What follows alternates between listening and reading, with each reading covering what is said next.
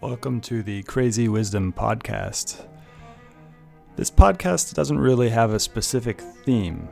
Uh, it covers a lot of my interests, it co- covers a lot of other people's interests. It goes into philosophy, spirituality, business, uh, how to live a good life, many different things. Ultimately, I don't believe in having themes for the things that we do. We can categorize the things, and obviously, we categorize things all the time. Uh, but I like to keep things open ended, a continuous process of discovering the truth as it is. Uh, and the truth is tricky because we can't really get to the truth uh, exactly because the truth is nonlinear. It is, in the words of John Vervaeke, combinatorially explosive. Uh, even the truth of this window that I'm looking at, the window itself, the glass that makes up the window is combinatorially explosive. The cup that holds your water is combinatorially explosive. You cannot model that cup totally in your head. You're only getting an image of it in with your eyes and your brain. That's not the actual cup itself. Uh, so this this show is a discovery of truth wherever it may appear by talking to people from various different fields. I've talked to artists, engineers, entrepreneurs, investors, uh, refugees. I've, I've just talking to anybody who has a glimpse into the truth. Uh, and through this conversation, through this mutual inquiry into what is true, what is real, hopefully we get to something that is helpful for to you. Now, we are in a time of crisis right now, uh, but it is in those times of crisis that we find our strength. And so, this show hopefully will help you to find the strength that is resting, that is deep inside of you, that is part of your birthright as a human being, uh, and find that strength so that you can get through these difficult times. Also, I want to let you know that I'm offering breathwork sessions uh, every day. I've got seven sessions a day. Uh, and really excited to bring this to people. People have been really enjoying it, and it has brought strength to people and courage. And, and that's my that's my goal is to help you find the courage to uh, not only survive but to thrive in the next couple years, maybe because this virus is not going away. Um, it, it, usually viruses come in waves. Uh, so this is the first wave. It will go away, and then it might come back. I'm not saying that I know for sure it will come back, but we are in this for the long haul. So this is a uh, marathon, not a sprint, uh, and I want to do everything I can to help you not only survive but to thrive. Uh, so. If you are interested in that, please find me on Twitter at Stewart Alsop III. My DMs are open. I'd love to hear about what you think about this show. Uh, also, it'd be very, very kind of you to both subscribe to the show on Spotify, Stitcher, uh, iTunes, many of the major pot plat- platforms. And if you're really feeling generous, go ahead and give a review on iTunes. So join me for the breath work. Just send me a message on Twitter at Stewart Alsop III with your email, and I'll add you to the email list where I'm sending out emails for the schedule. Uh, hopefully, see you there. Have a great day. Welcome to the Crazy Wisdom Podcast. My guest today is the CEO and co founder of This Is Definitely Real. Uh, his name is Michael Morgenstern. Uh, welcome to the show. Thanks, Stewart. Happy to be here. Yep. So, we were talking a little bit before about what is in your wheelhouse at the moment. And you said you just moved back from LA recently. What was, what's the deal with that? Yeah, I lived in San Francisco for five years and then um, decided to move down to Los Angeles in order to shoot this movie. Uh, so there's a lot you can do to direct a film uh, from outside of LA, but it turns out going to Los Angeles is really the best way to kick things into gear and actually get a movie made. Uh, so after a year down there, I just moved back up to the Bay. And I guess yeah, we should go into the, what the movie is exactly at this moment, because um, I know I had seen a trailer for a previous version. How, uh, what's what are you doing? Yeah, so it's it's more of an experience uh, for people than it is a movie. Uh, we're releasing a movie over the internet over two weeks as if it's really happening, but that's joined with several dozen different storylines that are playing out over social media and a lot of different interactive components. And the movie itself is asking you to get involved and engage. So the goal is that people have the feeling that this news news event is actually happening, uh, while knowing that it's fictional and being able to participate in the storytelling themselves. So that is really interesting. Immersive experience kind of goes into the uh, what they're calling the um, experience economy. uh, but you're on a virtual trend, and the actual physical exper- experiential uh, economy just got crushed. Um, can you talk more about that? Yeah, it's pretty tragic knowing a lot of artists and creators who work uh, in events and experience because it was it was an economy that was flourishing. I have a lot of friends who were only just recently being able to pay their rent by becoming full time artists, and that was really exciting. Uh, now it's moving all online, so people are trying to innovate different ways to interact and engage over the internet. Uh, we have created one that's very specific. Uh, we call it alternate reality cinema, and it allows a lot of different people to create a lot of different projects within the same fictional world and then people to join in on that. Uh, so actually a lot of the things that we've been prototyping in physical space are really applicable on the internet you know especially at an event or at a immersive show or at a party. Uh, the way that attention flows and the way that uh, narrative flows is really similar to how it interact how you happens when you interact over the internet and I actually think that uh, we are designing for the real world. We are designing alternate reality because for us now, social media is our reality. And so something that gets overlaid over social media feels like it's happening in real life. This is a point I want to go into. Yeah. So, real life now is online life for most people. Um, I think it has been for a while. Well, yeah, it's it just, has. It's I mean, accelerated. Yeah, it, it well, it has been for me for a long time. What, what kind of because I really like to dance, and that's so you know if I wanted to release steam, I would go out and and dance, go to the thing, and I like to travel and do all these things, and and but then my you know the things that I'm trying to grow are all have been online for a long time. I've got this podcast and I do the breath work and I'm I guess learning online is a big thing about what I'm doing. That's been online for me for two years and one of the actually interesting things that I, the benefits that I've found out of this um, is that now I can convince other people to teach me stuff online, whereas before they were hesitant to because they didn't know how to work it, they didn't know how mm-hmm. to do mm-hmm. it. But now that everybody's been forced to learn how to do it. Um, but and you you said that the interactions are very similar in a party as they are online. So like the flow that we go through, or the flow that our attention goes through. Can you talk more about that? Yeah, well, the internet is a space of distraction where there's tons of different options for things to do, uh, and something will appear and then disappear and then reappear. And so we've become really used to piecing together meaning through lots of different conversations, and a lot of the uh, stuff that we get, like information we get from the news, is mediated by what our friends will say or what articles will say. And so we're tracking a lot of different stories at the same time and a party is similarly chaotic. Mm. Uh, so meaning can be represented through little fragments that evolve over the course of the party, uh, rather than a play or a movie, which is extremely linear and everything has a causal relationship to what came before it. so this is changing the very structure of fiction. Yeah, yeah, I think to look more like our social media landscape. The online world changed the meaning of fiction. Um, that's a really interesting point. And so, what you guys are doing is a, a fictional piece, but yes, designed for consumption on the internet through experience. Yeah, so it's designed not in order to trick people, not as a fake news kind of piece, but to use the systems and the way we process information over social media uh, to tell a story because it, it, ends up being a lot richer i think. You know you have a lot of more voices a lot more interpretation and then you, you end up having a lot of iteration like the internet is just this giant networked brain that's continually riffing off things on core themes. Distributed co- cognition. This is what john yeah. calls distributed con- cognition. Um, and we're it feels like to me what we're doing what, what what is our reaction to covid-19 is essentially creating a hive brain going more and more into the hive brain of essentially like a singular species almost that's distributed on totally. What do you think about that? Yeah and then the scary thing about the structure of the internet is that this hive brain is designed to be manipulated. Mm. uh, and so things like the russian hacking of the 2016 election or even just the way that news organizations work those are affecting the top level meta narratives of our hive brain.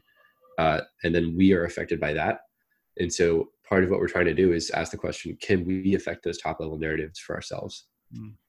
and I would say I would say I, I, agree with that point, but then I would also add a nuance to it, which is that the internet kind of just plugs into our ability to be distracted or to that it's it's actually the human being that is almost designed for these things, and that that's been happening for a long time.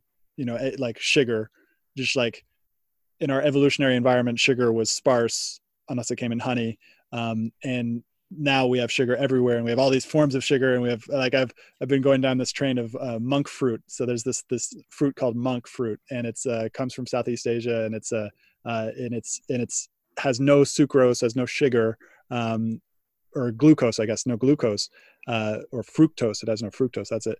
But it's highly sweet uh, and so it's they're putting into all these keto snacks in order to keep keep them keto uh, and so like there's just like the variation in human ability to satisfy any desire has over the last hundred years has gone through the roof and then you add the internet to it and now the internet does that for us on a virtual level so our little virtual machines that are running inside of our heads can get distracted and and have all these kind of like uh deep motivational drives so i think it's like not necessarily the internet but it's just like hum- humanity itself was designed to live in an environment. We're going to have to adapt. What do you think do you think that we're ad- the adaptation process is happening? Do, do you think we will be able to adapt? I just can we put a bookmark in that? Because i'm distracted by you can put monk fruit in there and it's still keto even though there's sugar? No there is no sugar. That's the whole point. It's very very sweet but there is no oh. glucose there's no glucose okay. fructose fructose is the thing that's in sugar i'm sorry fructose is the type of sugar that's in fruit glucose is is the what your body converts sugar into i believe uh, which your brain then uses it for. Uh, and there's another one. I think it might be sucrose, but don't take do your own research on this. but uh, but uh, um, uh, but yeah, the, so monk fruit is this fruit that they've started to put into keto snacks, and it tastes amazing. Um, and it and it's all natural, so that's what they're you know it's and there's like five of them. There's another one called Jerusalem artichoke that they're now starting to put in. Um, uh, so it's it's very interesting in terms of this, these actual sugar alternatives uh, that are not chemically produced. Mm-hmm. Yeah. Um, yes. So to, to go back to your question, um, I think that it relates a lot to the way the brain works for sure. And like, this is something that uh, my meditation teacher, uh, Culadasa, had spoken a lot about with meditation and the way that the brain works is we are, we constantly have this monkey mind that's going all these different directions. And I think that to affect the way that our mind works, telling the mind to work a certain way almost never works, but mm-hmm. building the systems and structures uh, that allow the mind and that facilitate a certain type of thought or action tends to affect change very quickly and easily. And so I think it's similar for the internet that just to say, oh, let's be better to each other over the internet uh, and just to try and do that is one thing, but to actually build a system where being better to each other is easier than being, being worse to each other, that's the kind of thing that we respond to. Yeah, and it's so hard to build the system to, at least in personal habits, because we have all, and I'm sure this there's analogies to collective habits as well. But uh, in my own personal habit, like trying to play the guitar for five minutes, I've learned from my own mind, which is distracted all the time. I have about five to ten minutes where I can contribute to each skill that I want to learn, uh, and if mm-hmm. I do that every day, I can learn like crazy amounts of skills. Uh, but it gets hard for me to do anything more than five to 10 minutes unless I meet one to one with somebody. And that's why I'm doing the podcast is because it kind of gives me this accountability to go deeper into various trains of thought. And so it allows me to do that. And building that system is always interesting. And there's all these like, what's the word? Like kind of ways that you can trick yourself into doing it, but you don't want to trick yourself either. What, what are you thinking in terms of building this system for you guys? to us, it's uh, you know I think it, we're not ready to build the system yet.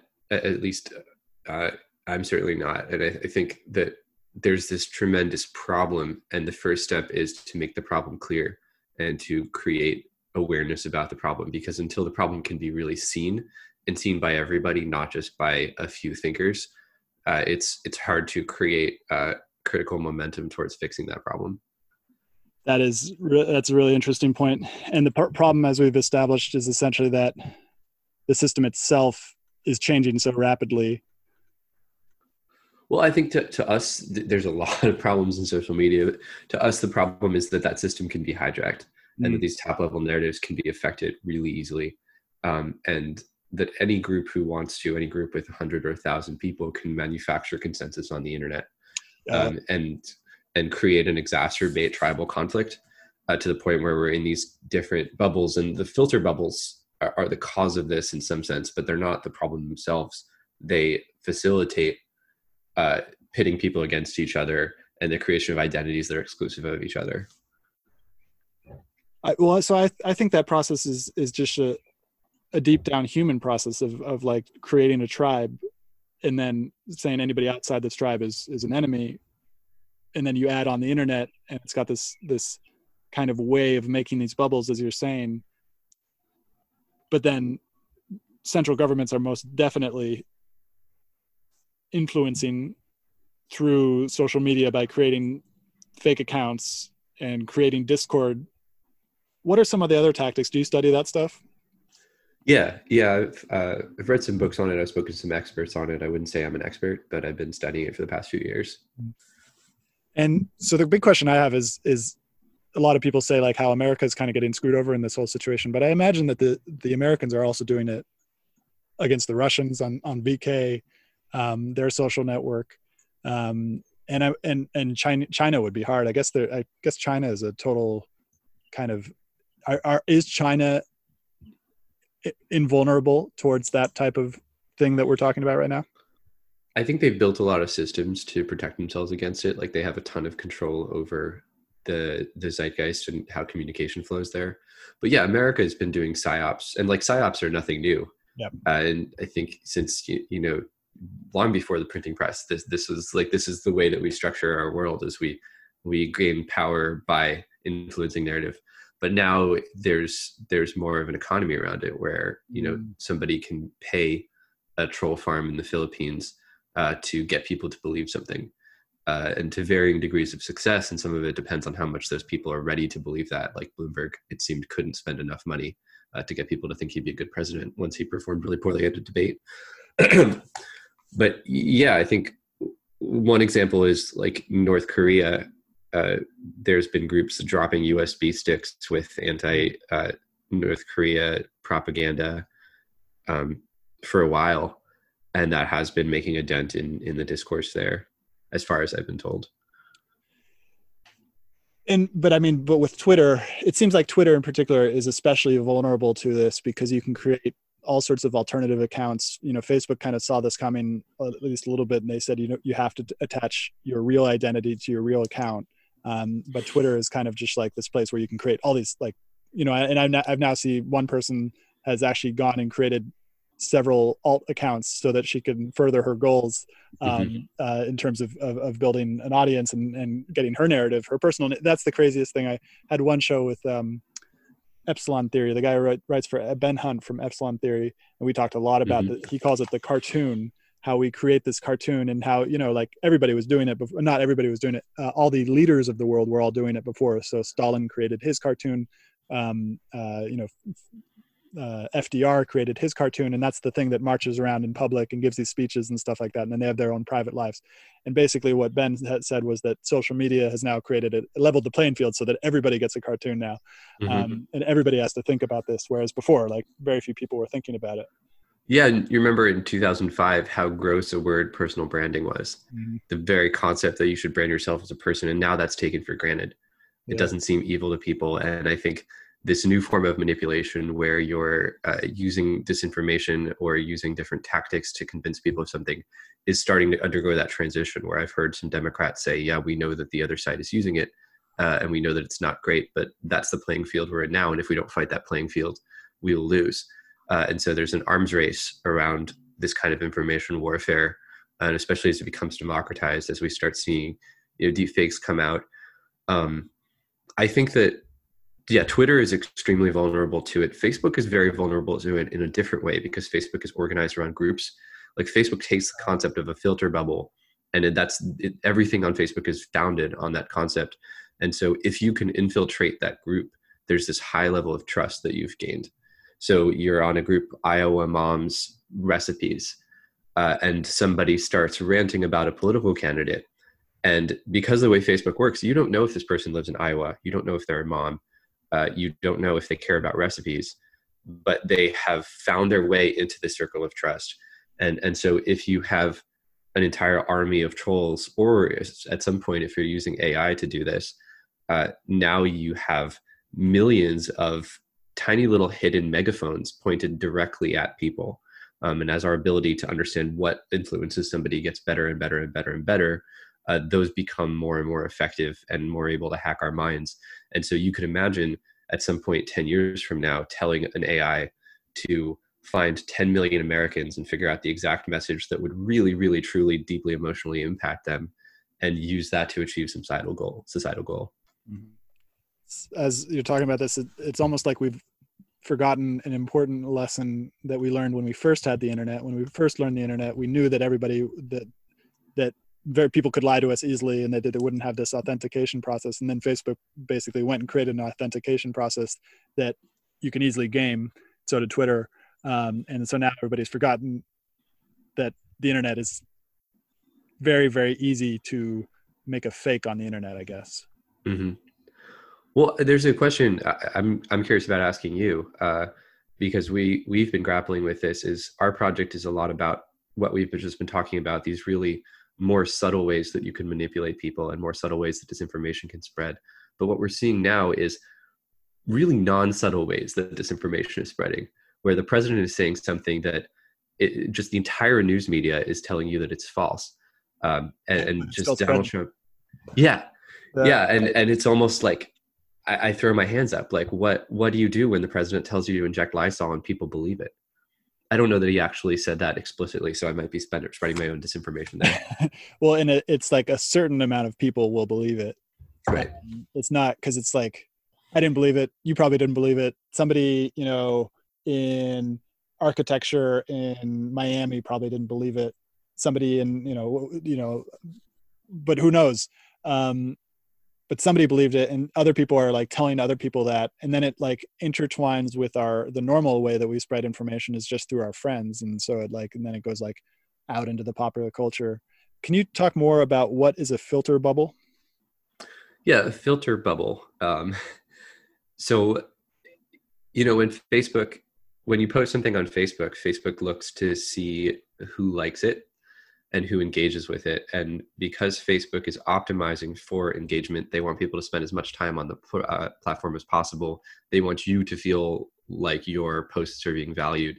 They're constantly trying to figure out who's going to engage the most with your content. And they're actually, a lot of their algorithm is tuned around not who's going to engage the most, but whose engagement is going to cause the most engagement later. So if mm-hmm. somebody who will like or share this so that somebody else will like it. Um, so they're looking at second order engagement too. And when you do that, you're optimizing for finding groups of people that are going to react to each other's content. So if I post something that's aligned with my political beliefs, other people who are aligned with my political beliefs are going to engage with it more. Facebook knows that, so they're going to show it to people who are more aligned with my political beliefs, which means that we start to see content from people who feel and think and believe similarly to us. Um, outrage, especially, uh, creates strong reactions. And so, if you're just tuning for outrage, um, another way this works on YouTube is they'll recommend videos, and YouTube is particularly insidious. Uh, they say they've gotten better, but I, I still see these patterns as you can start looking at something that's you, you could Google, for example, some question about 9 11.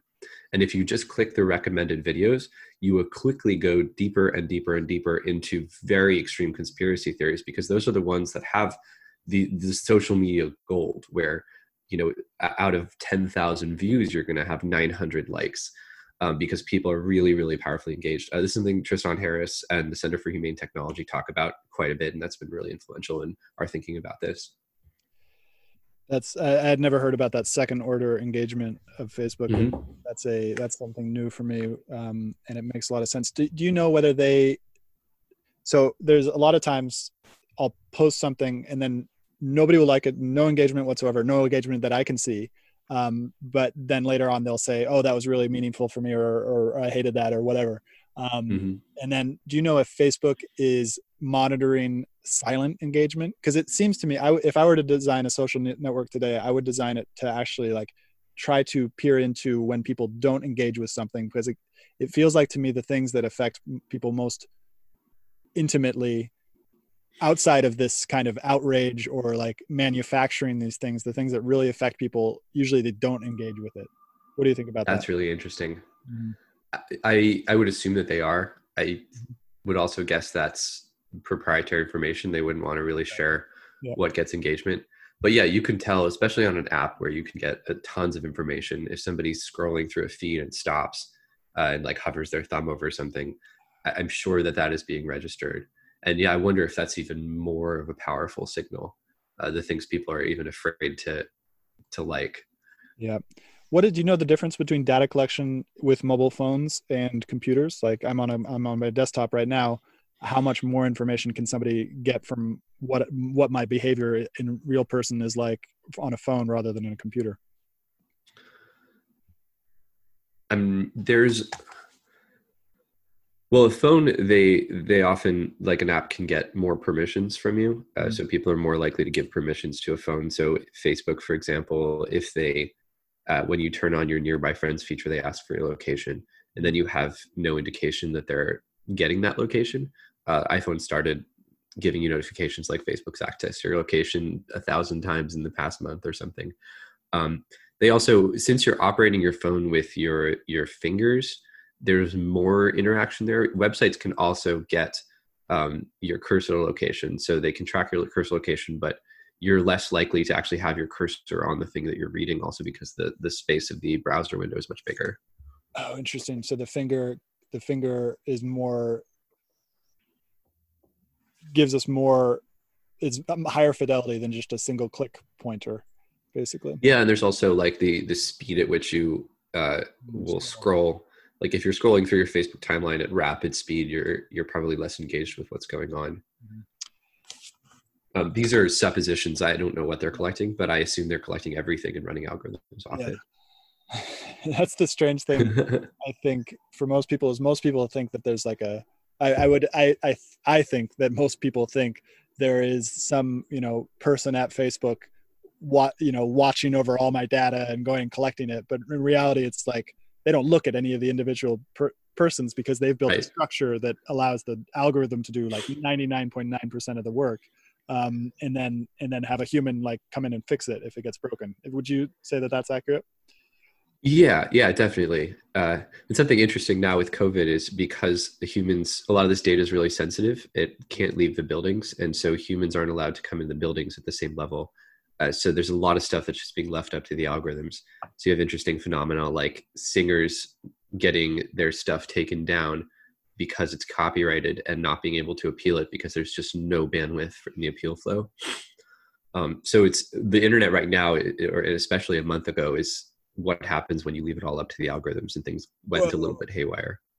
And that's what happened to me with Chase. I I um I lost my credit card like two months ago, three months ago, and and I was stuck in this algorithm hell where I just couldn't I couldn't I couldn't talk to a real person because all the real hmm. people were were uh, had uh, overload of all the real people trying to call them uh, and then yeah and then there's this algorithm that says basically if the if you don't match these three problems you're screwed um, for months uh, and and and, and now and i'm sure it's happening with manufacturing too because it's kind of like now we're building systems that need to deal with that because that obviously that needed to change. So now they're all building systems to become more i guess anti-fragile. What are what do you think about that?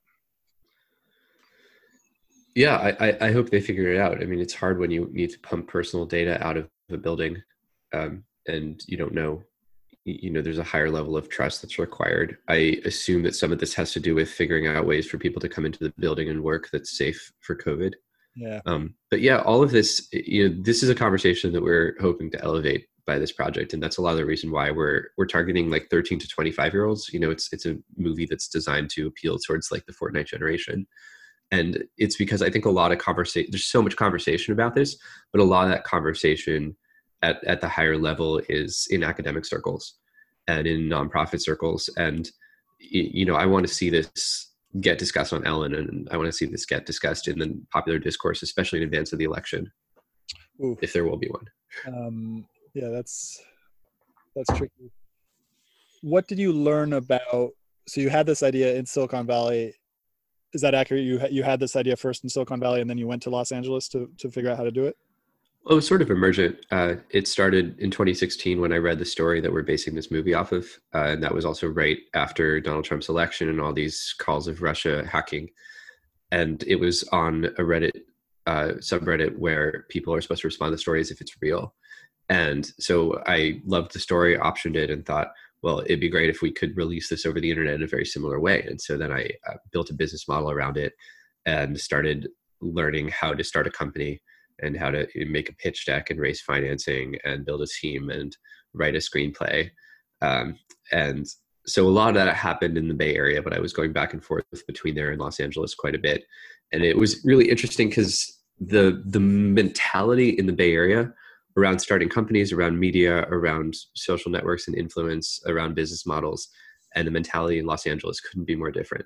Mm. Uh, you know, and it's it's interesting when you look at the intersection of technology and media. In some ways, it's quite disappointing.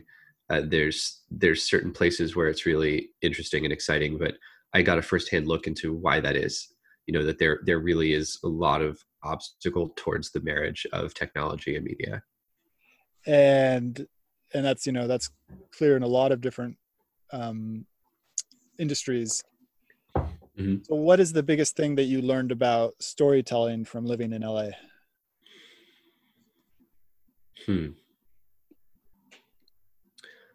I mean, storytelling in LA and filmmaking in LA is elevated to such a high level of craft. Mm.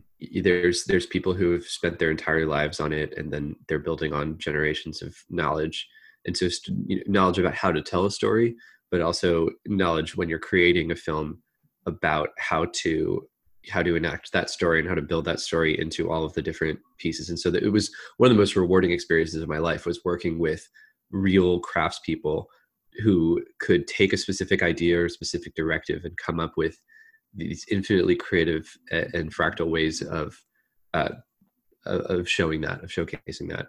And, um, it, and so th- they do it as a group that? too right? So if somebody has a story idea it's like the some is it is it my idea in the head that I had that I have of somebody creating a story if they're not already with involved in this machinery machinery and have already had a hit um, in LA then it's like two guys two women two people getting together and creating a story uh, and then selling that story to different people who give them money to then create it into something bigger it goes a lot of different ways hmm. uh, you know a lot of a lot of filmmaking and one thing that i I finally learned after I made my first short film was that I was subconsciously waiting for someone to give me permission to make a movie, uh, and that it never works that way. You know that that a lot of people's initial projects come from not waiting for permission, just going out and doing whatever you can with whatever tools are available, and whether that's making a short film with your iPhone and then upgrading to a different uh, set of technology. Um, so you know the, the story where you have an idea and someone funds your idea is is fairly rare. You know a, a lot of the time that happens to someone who's a career writer and they will write quite a bit and then finally write a pilot uh, or an episode that gets picked up through some kind of competition or something and then an agent will put it through uh, and then that that might get made. But that's often you know the result of 10 years of work. Um, so there's you know i found that the best way to do it is just to do it. Hmm. interesting. Which is definitely requires a, a, strong amount of of privilege and of um and of grit. And and then so let's talk about how you you've been doing that. So who have you had to hire in order to make that a reality from like oh my god. a story to thing? Well i did a short film in 2014 and there were 140 people in this 14 minute film's credits. Uh, so like literally it took a village.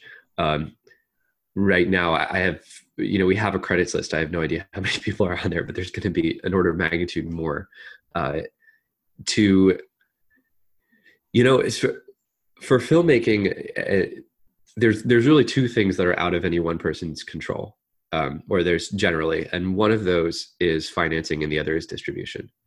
Uh, you know if if if you don't have someone else who's going to pay for your movie uh, financing becomes the important part or if you can't pay for it yourself uh, and then you need to get an audience.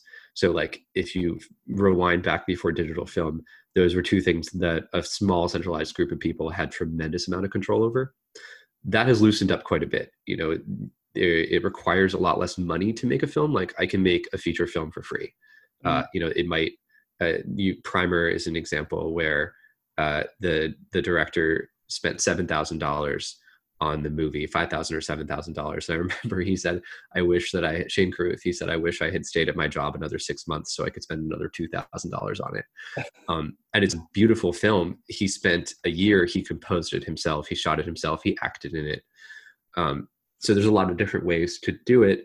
For us, it was raising some financing and then being able to hire the people to create the films because once you have the financing, there's a ton of incredibly creative people who can be hired to help you make a movie. Uh, so there's it's a tremendously difficult process finding those creative people, and certainly if you're not able to pay, uh, you know, extremely professional rates, uh, it, it's always hard to find the right people, um, and that's part of the dance as well. But that was something that I found is is that getting the money and then hiring the people and then going you know produced a result that was very similar to what i had imagined was the way which was you know finding somebody to who wanted to make your screenplay and then making it for you. You know so because of that it's something that's available to to anyone who's able to secure financing to produce stuff in an independent way. Uh, the challenge then becomes distribution like how are you going to get anyone to watch your film? And the traditional route is you put that film through a film festival it gets bought um, that takes a lot of luck a lot of connections. You know that doesn't just happen. Like the story of a great film being picked up by a film festival and just getting bought and put in theaters is it, it happens but it's it's not as common. And there's you know that's partly due to relationships. It's partly due to the fact that if this is your first try at making a film and you don't have the right mentorship and the right connections and the right people uh, your first level of output is not going to be you know something that's on par with the things that get released in film in cinema. This is the interesting thing i've always found about both silicon valley and anywhere else in the world actually is, is just the importance of relationships. And it's so hard well maybe I'll, it's hard for me because of i hate relationships that don't i hate manufacturing utility for a relationship um, and then having that over time. And that seems to mm-hmm. be necessary to to particularly for this financing aspect. That's what i'm starting to wrap my head around. It's really important that you're able to create relationships that are not friendships uh, that are that are that are like this like and it's such a weird trusty relationship. What do you what do you think about that? Yeah fundraising is weird. Fundraising is really weird uh, that way.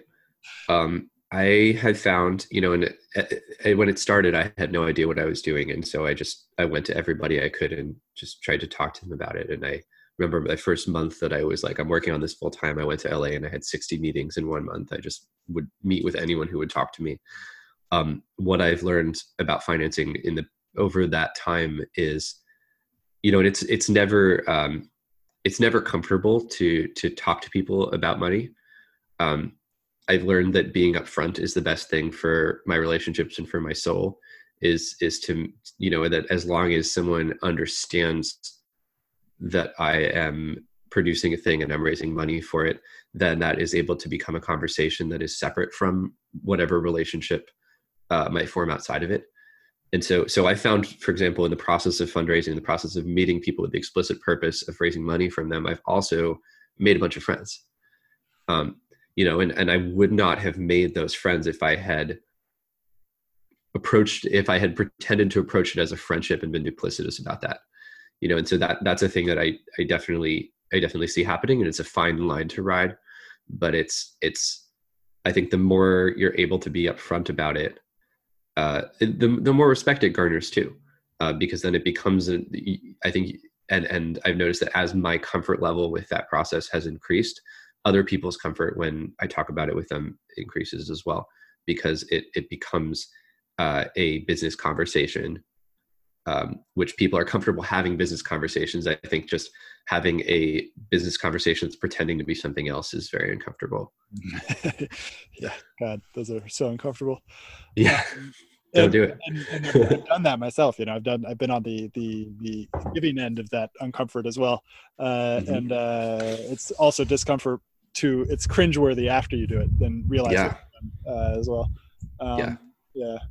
So interesting. There's a few questions that I come that come up from that. We kind of already answered them, but like how how do you deal with money and friendships? And then what is the relationship between respect and money? And what is the relationship between respect and friendship? Um, and it's interesting. I don't really, I'm not really asking them. I'm just trying to fill the awkward, Mhm. uh, awkward space that I've just created. So, what do you think? Yeah, it's an awkward space. Yeah. Thanks, Stewart. uh, yeah, it's complicated. Mhm. It's really complicated. Hmm. Um, yeah, I think from my perspective, there, there's a lot of sacrifices that come when you try to do something big and something that requires fundraising, and that's that's one of the sacrifices is that you're in that awkward, uncomfortable space. Um, All you know and, and it yeah and and so it becomes about true being as as as ethical and honest and um upfront and as good a human as possible within the confines of that awkward uncomfortable space. You know i think it it, it um it's it's very difficult to you know i i think as i think as a man it's a lot easier. Mm. you know i i have a lot of of female friends who are or non-male friends who are raising money or have raised money for things. And you know the the intersection of sex and or you know sexual attention and fundraising is is just seems to me and i've experienced it a few times but like i know people who seem to be experiencing on a sort of daily mm, hour by hour basis. And it, it seems just really difficult to navigate and and frustrating that in order to do the kind of thing that i'm doing and other entrepreneurs are doing uh, people have to some people have to navigate that constantly Mm. um, you know i think because a lot of a lot of wealth is concentrated in men as well you know it creates this very uh, it, it can create a very exploitative dynamic It's like a far more awkward situation. And, yeah Um, yeah, and that's something that I don't experience often. yeah I'd like to interview people who do. I'm not sure if they want to talk about it publicly, but um, if you have anybody in mind who who who you think would want to talk about that, be happy to give them a platform for it. yeah i can ask a few people Yeah. Um, so we got about five to ten minutes left. What is a question that I haven't asked you that I think that you think I should have asked you? uh, i'd be interested in talking more about the movie and the project and how how that's all going to work you know how we're building the the tools to make that work So, what tools? What yeah? What tools in specific are you building? Well, we're borrowing a model of an event. So the way this is supposed to feel is like an event. And you know, a lot of a lot of projects that I've seen that are interactive, they have certain theses about how people want to interact with that project. Uh, for example, Netflix's Bandersnatch, where every few minutes uh, you get to choose what the character does next. And I think that's kind of a kind of interactivity that's appealing for some people, but a lot of people don't want that level of interactivity. And I would argue that it's not necessary to create an interactive project. And so, a news event, a lot of the consumption is passive. A lot of, and I, I, I think passive consumption is, and it sounds like a, a dig, but it's it's what we're doing most of the time when we're listening to something, when we're taking in somebody's art. Is uh, passive consumption is what most people want to do most of the time. Mm. Uh, that there's a movie and you don't have to do anything; the movie's just happening there. Uh, but then there's con- constantly an opportunity to interact and engage. Uh, so if you want to reply to that movie, if you want to message one of the characters, if you want to write a think piece about something, if you want to tweet about something, and so we have large parts of our project that are designed for passive engagement, uh, like these these movie, film videos that come out and videos that come out on different social media accounts.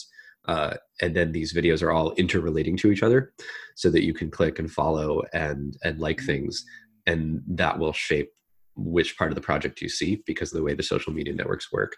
Um, and then if you want to go interactive, there's very deep rabbit hole that we've created where you can go in and play missions and play different games. Uh, and then that rabbit hole brings you into a place where you're almost a creator and where you're able to make the content that other people are experiencing. Um, so it's, you know, I think that works with the way the internet works, uh, that generally any online movement, you have people who are creating content. And when I say creating content, sometimes that's taking a photo of yourself at a Yang rally. Uh, that's content. And that's, that's something that's both telling your story and telling other people's story um, and, and letting other people experience that story of Andrew Yang. Um, but also interacting passively by receiving that content.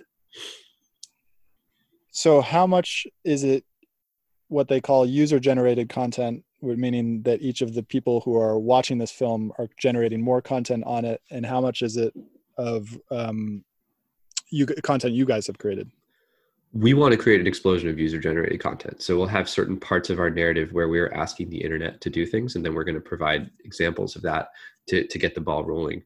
Um, but the idea too is that when people engage with our themes really deeply on a personal level, it makes it more personal to them, and it also gives all of us the opportunity to explore those themes. Um, so, like one of my favorite mechanisms in immersive theater is if you get somebody to at the start of a program close their eyes and talk about a story like talk about somebody who was mean to them talk about somebody who they need to forgive uh, and then you make an entire piece about forgiveness uh, our own stories are overlaid onto those stories and then we are using that piece to process our our own story and you know that's what we do naturally in movies anyways you know movies help us figure out our stories um, and and figure out what we want to do with our lives but it makes it a much more overt, explicit thing, and it gives you a degree of control over how you're adapting that story to yourself. So, like, we have these very core, simple themes about, um, you know, about disconnection on the internet, about uh, tribalism, about deep fakes, about how we are susceptibility to being hacked on the internet. And these are all themes that we all have very different stories about, and we can all explore those stories. And that's it's something that I want to do is that ideally this project becomes a fractal of itself where people are exploring these themes on their own uh, and that's part of the project. Do you think that people are going to get angry with you? Have people already started to get angry with you? Oh there's going to be people angry. Yeah um, there, I don't think you can put something out on the internet without people being angry at you but there's there's definitely you know we have a strong ethical policy about including a tell on all of our pieces. So this this doesn't become something designed to fake people out. Uh, but there's a line that you have to draw. You have to decide well what is an acceptable level of uh, fakeness and what is not. Uh, and as you can see with injecting lysol there's always going to be someone on the internet who believes something and there's consequences to that. Um, and and so in in some ways we're doing a pretty risque thing in that sense you know and i i argue strongly that this is a thing that is being done on a daily basis and is about to be about to explode. Well, you know, for example, go for it. Yeah, for example, as as deepfakes become really cheap to do and really high quality, uh, the idea that people aren't going to start tricking each other with deepfakes uh, and it's not going to cause consequences. Like we're headed for a world more and more where it's harder and harder to tell what's real and we're more and more susceptible to manipulation. And so to us elevating this conversation by using this big canvas to tell this story is a really important tool in that. Uh, but yeah there's going to be criticism. Well and uh, the first thing the reason i asked that question was because it seems like to me what you're doing what a, what a common reaction to what you're doing would be is basically you are messing with the fundamental way that humans um, tell stories or at least have told stories for the last 150 years 200 years. Um, and uh, then you started to you, you just elucidated one of the interesting parts about the show about what i'm trying to get to with the show which is you know it's called crazy wisdom and i don't think i very very very rarely talk about why i actually chose that name. Um, but it's it's this uh, one of the things that um, teachers meditation teachers particularly from india and from tibet do uh, well actually from in zen as well they do it uh, in the west as well is that you you trigger someone so that they will understand that they're triggers basically. Um, and mm-hmm. it seems like that's what you're trying to do is basically be like hey wake up people. You guys are all being fooled and the way i'm going to do that is by fooling all of you um, so that you wake up to it yeah and, and hopefully fooling all of you in a way that as it's happening you can tell that you're being fooled and you wake up um, out of the simulation. You, know, you wake up out of the out of the the this false reality that we've we are convinced is reality.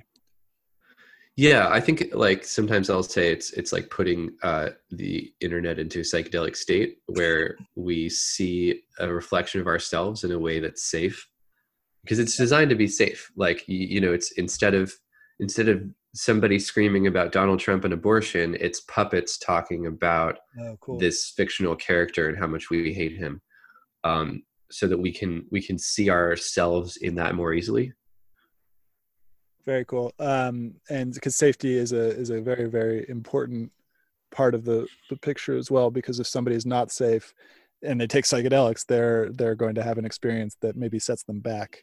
Um, Mhm. Yeah. Yeah, so we will have tools during the thing where if you need to know if something's part of our project, you can find out. Interesting. And so what what is it called? When does it come out? Uh, it comes out. Uh, it's, it's going to start over the next um, month or so, and then the main release is September sixteenth. Um, so I won't say the name, but if you see something like this happening on September sixteenth, that's the one. Mhm. Interesting. Okay. uh, um, is there anything else you want to add before we uh, before we end? um, yeah, if people want to uh, find out more, can I give a a place where people can go to find out more? Yeah, absolutely. Yeah, yeah. Mhm. yeah if people want to go find out more uh, definitelyreal.com uh, put your email in there and we'll we'll send you updates Cool.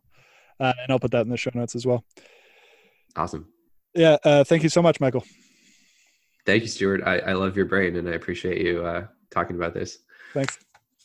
Hope you enjoyed this episode. I'll be publishing episodes every Monday, Wednesday, and Friday in the morning. If you did enjoy this episode, please find us on iTunes, Spotify, Stitcher, many of the major podcasting platforms, and go ahead and give us a review. And also subscribe. And as always, I'm on Twitter at Stewart Alsop III. Come join the conversation as we aim towards the truth. And the funny thing about truth is that you can't really put it into words because every time you put the truth into words, you create a linear narrative out of something that is non-linear. The truth is non-linear. It's not. It's. It's. If you really recognize the truth right now, your mind wouldn't know what to do. It'd be overwhelmed by beauty, and pain, or it's.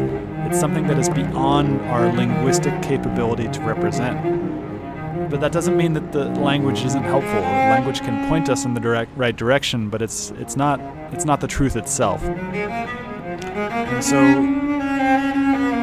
come join this collective inquiry into the truth. Find me on Twitter at Stewart Alsop III. Subscribe to the podcast. Share the podcast with your friends. Uh, most people don't have the ability to let go of this linguistic understanding of the way that the world works and just aim for the truth regardless of what the language tells us. Uh, and so I think what I'm doing with this the show is is necessary for us because as we enter this stage of uncertainty uh, and we are most definitely entering an age of uncertainty. And as we do, it's really, really important that we stop paying attention to what the mind is telling us all the time. It Doesn't mean to say that the mind doesn't have its place. The mind obviously has its place, but it's just one of the senses. It's just one of the tools that we can use. We can use the mind, we can use the feelings, we can use our actual senses. Uh, we can check our intuition with other people because sometimes the intuition tells us the wrong thing as well. Sometimes the intuition is wrong. So we can't we can't rely on any one tool to get us there. So come join the show. Find us on iTunes. Find us on Twitter at Stewart Alsop III. Uh, and come join the, this inquiry for truth.